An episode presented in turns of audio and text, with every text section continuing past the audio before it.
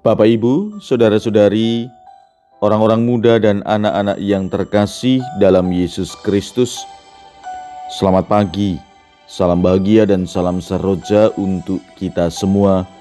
Berkah dalam bersama dengan saya, Romo Antonius Garbito Pambuaji, menyampaikan salam dan berkat Allah yang Maha Kuasa dalam nama Bapa dan Putra dan Roh Kudus. Amin. Hari ini Selasa 11 Mei dalam hari biasa Pekan Paskah ke-6. Bacaan pertama dalam liturgi hari ini diambil dari kisah para rasul. Bab 16 ayat 22 sampai dengan 34. Bacaan Injil diambil dari Injil Yohanes bab 16 ayat 5 sampai dengan 11.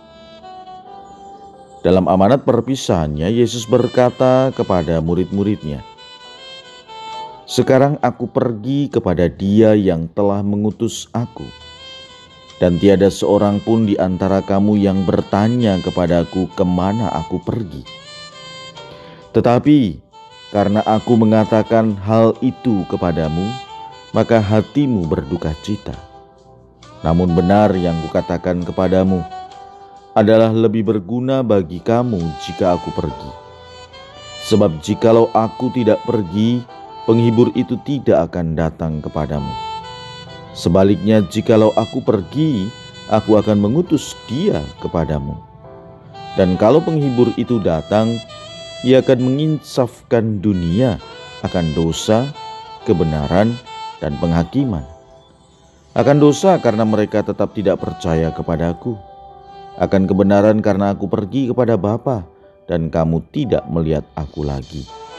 Akan penghakiman karena penguasa dunia ini telah dihukum.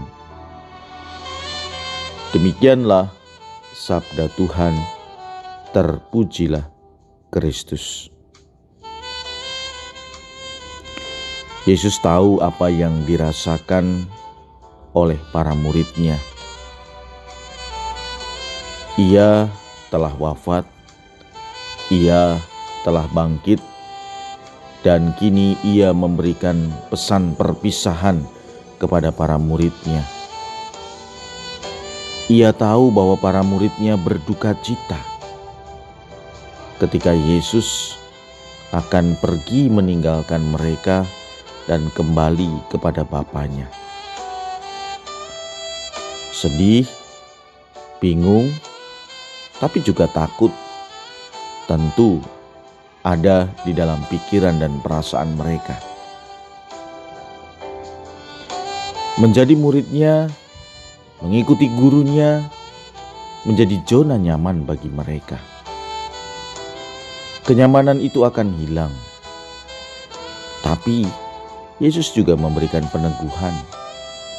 Ia tidak pergi, walau ia pergi secara fisik, tapi roh penghibur akan datang, mendampingi, memberi kekuatan, dan menghibur mereka dalam melaksanakan dan melanjutkan misi Tuhan. Saudara-saudari yang terkasih, apa pun perasaan dan hati kita saat ini, mari kita membuka hati dan diri kita akan datangnya Roh Kudus. Roh yang akan senantiasa memberi spirit mendampingi, menghibur, dan memberi kekuatan. Yakin dan percayalah bahwa roh ini akan membantu kita untuk senantiasa bersuka cita dalam Tuhan, bergembira dalam melaksanakan karya-karya perutusan, dan berpengharapan ketika kita akan menghasilkan buah. Marilah berdoa. Ya Tuhan, berkat Roh Kudus, Engkau memberikan kesempatan kepada kami untuk terus berkembang agar kami menghasilkan buah. Berkat Allah yang Maha Kuasa dalam nama Bapa dan Putra dan Roh Kudus. Amin.